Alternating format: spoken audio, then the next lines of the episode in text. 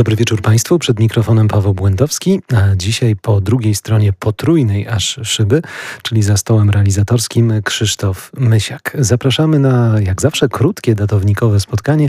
Dzisiaj chcemy Państwu opowiedzieć o wyjątkowej postaci, której rocznica urodzin przypada właśnie y, we wrześniu, bodajże 13, tak, 13 września w 1803 roku, a więc 220 lat temu urodziła się jedna z najważniejszych postaci polskiego romantyzmu, czyli Maurycy Mochnacki. W liście do swojego przyjaciela w sierpniu 1832 roku Mochnacki pisał: Polska potężna i niepodległa była jedynym romansem mojej młodości. Ale czy tylko młodości? Chyba nie. Chyba była romansem całego życia. To mówi się o Mochnackim, że był jedną z najważniejszych postaci polskiego romantyzmu, ale w rzeczywistości, gdyby się nad tym, proszę Państwa, zastanowić, to był także człowiekiem renesansu. Oczywiście w tym potocznym znaczeniu tego określenia, bo był nie tylko działaczem politycznym, nie tylko publicystą politycznym, ale był także filozofem, jednym, no właśnie, stereotypów polskiego romantyzmu, ale był także niezwykle zdolnym pianistą, więc ta muzyka Fryderyka Chopina, którą słyszymy w tle, jak najbardziej mm, tutaj na miejscu. Był oczywiście także uczestnikiem i co najważniejsze, kronikarzem powstania listopadowego. Napisał bowiem powstanie narodu polskiego w roku 1830 i 1831. Taki był pełny tytuł tego dzieła. Urodził się, jak wspomniałem, we wrześniu 1803 roku w Bojańcu. Do 1945 roku to były tereny Polski, teraz obecnie to wieś na Ukrainie. Wychowanie odebrał przede wszystkim w domu rodzinnym, ale chcąc być przyjętym na studia, uczęszczał w Warszawie do liceum i studiował na Uniwersytecie Warszawskim, konkretnie na Wydziale Prawa. I teraz cytat z pamiętnika jego znajomego znajomego na kilkanaście dni przed złożeniem magistrowskiego egzaminu we własnym mieszkaniu napadnięty przez policjanta i zelżony, gdy chciał napaść, odeprzeć, porwany do więzienia z rozkazu księcia na 40 dni pod gołym niebem z największymi zbrodniarzami przeznaczony do robót publicznych w ogrodzie belwederskim. Chodzi tutaj o rozkaz księcia Konstantego, mm, który nakazałby Mochnackiego relegować z uniwersytetu. Dlaczego? No dlatego, że Mochnacki już wtedy marzył o niepodległości niepodległej Polsce i dawał temu wyraz przeróżne, na przeróżne sposoby.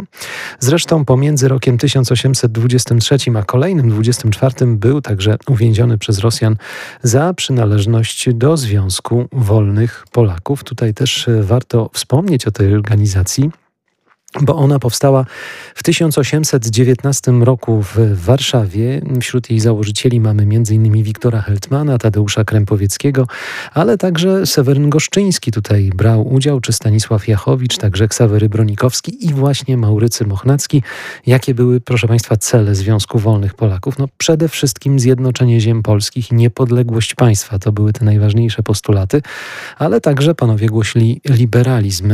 Oni uwielbiali co tygodnie tygodniowe dyskusje na tematy oczywiście głównie polityczne, ale wśród tych głoszonych haseł były przede wszystkim hasła niepodległości Polski. Wspominałem o tym, że Mochnacki uczestniczył w pracach Związku Wolnych Polaków, ale jak pisze jego przyjaciel Podczaszyński także y, pracował, może pracował to złe słowo, ale współpracował z Towarzystwem Patriotycznym. To była kolejna tajna organizacja niepodległościowa w Królestwie Polskim, która została założona w Lasku Bielańskim pod Warszawą 1 maja 1821 roku przez człowieka znanemu zapewne Państwu doskonale, czyli majora Waleriana Łukasińskiego.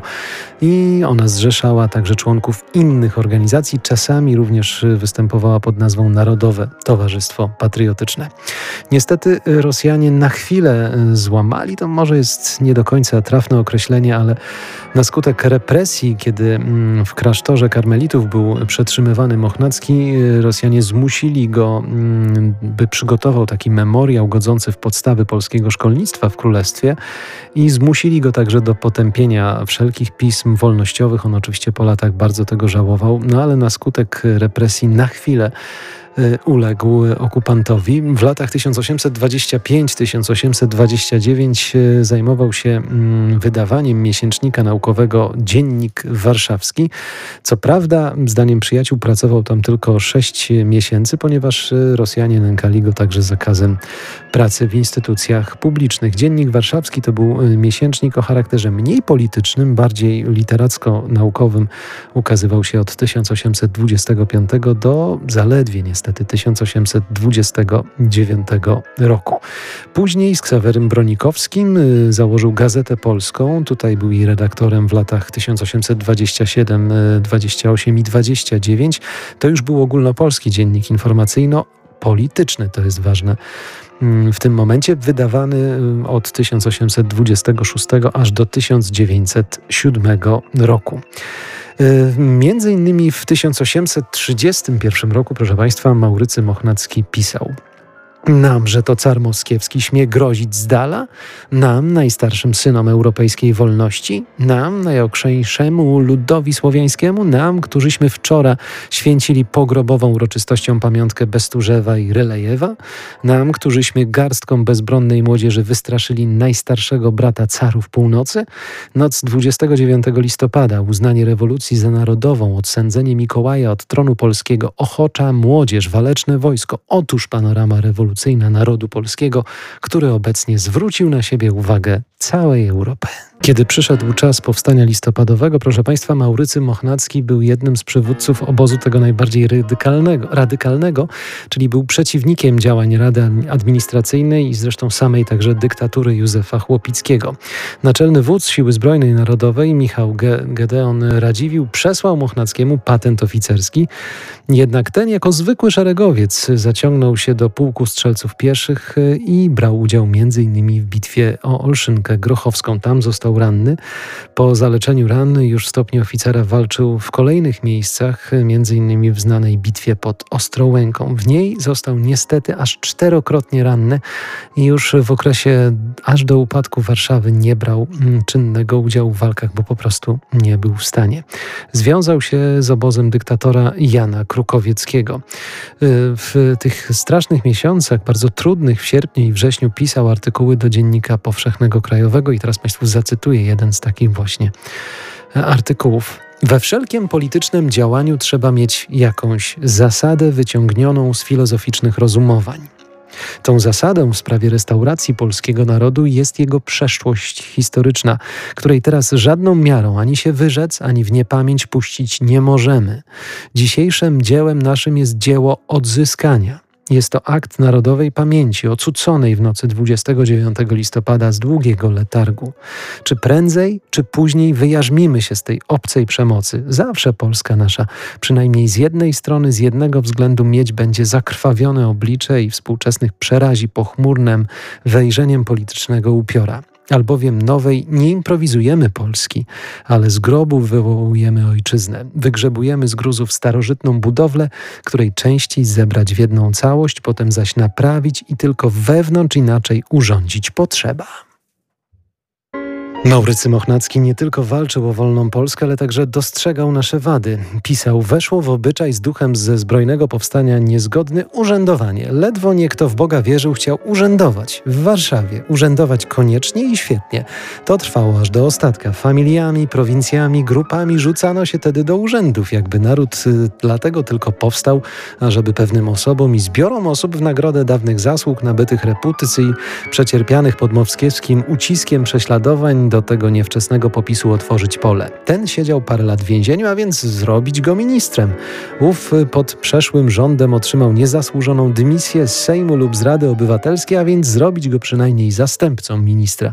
Innego wielki książę skrzywdził osobiście, a więc zrobimy go zastępcą radcy stanu, bez względu na szczególność fachu, na specjalność zatrudnienia. Szlachta wprost od pługa chwytała podczas wojny posady główne. Maurycy Mochnacki był także mm, współzałożycielem Towarzystwa Towarzystwa Patriotycznego został również odznaczony po tych wszystkich bitwach powstańczych krzyżem Orderu Virtuti Militari. Po klęsce, po, po klęsce powstania znalazł się na emigracji, głosił poglądy, jak piszą historycy, nie tylko demokratyczne, ale ultrademokratyczne. Był wielkim krytykiem wczesnego romantyzmu polskiego, przywódcą młodych w Warszawie. Był także naczelnym publicystą w pamiętniku emigracji polskiej.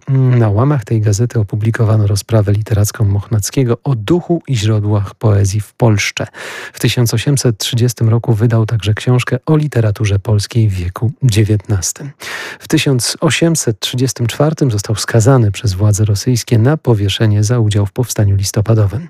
Przez wiele dziesięcioleci sądzono, że Mochnacki zmarł na gruźlicę, jednak dzisiaj historycy są raczej pewni, że przyczyną zgonu był wylew. Zmarł 20 grudnia w 1834 roku.